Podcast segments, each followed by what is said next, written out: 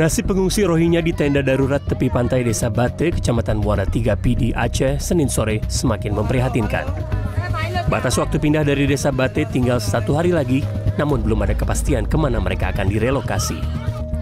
Sesuai perjanjian dengan warga, batas waktu penampungan di Desa Bate berakhir pada 20 Desember. Warga bersikeras agar para pengungsi segera dipindahkan ke daerah lain. Sebelumnya atas dasar kemanusiaan warga Bate bersedia menampung para pengungsi selama 10 hari. Misalnya tanggal 20 besok masih belum dipindahkan. Ini bagaimana respon ibu selaku keluarga? Ya, kalau harapan kami orang lalu nggak cepat-cepat lah dipindahkan. Mereka udah seperti benalu. Sementara itu, Kepolisian Resort Kota Banda Aceh menetapkan satu orang warga Rohingya sebagai tersangka penyelundupan manusia. Sebelumnya tersangka diperiksa polisi sejak 12 Desember lalu bersama 11 etnis Rohingya lainnya yang kini berstatus saksi.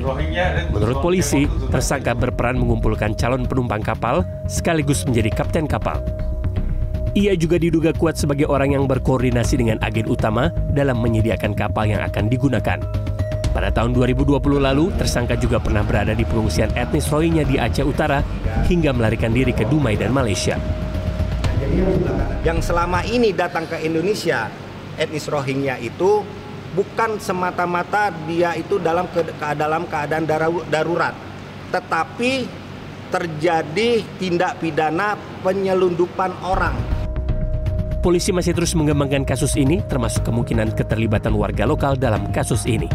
Tim Liputan CNN Indonesia.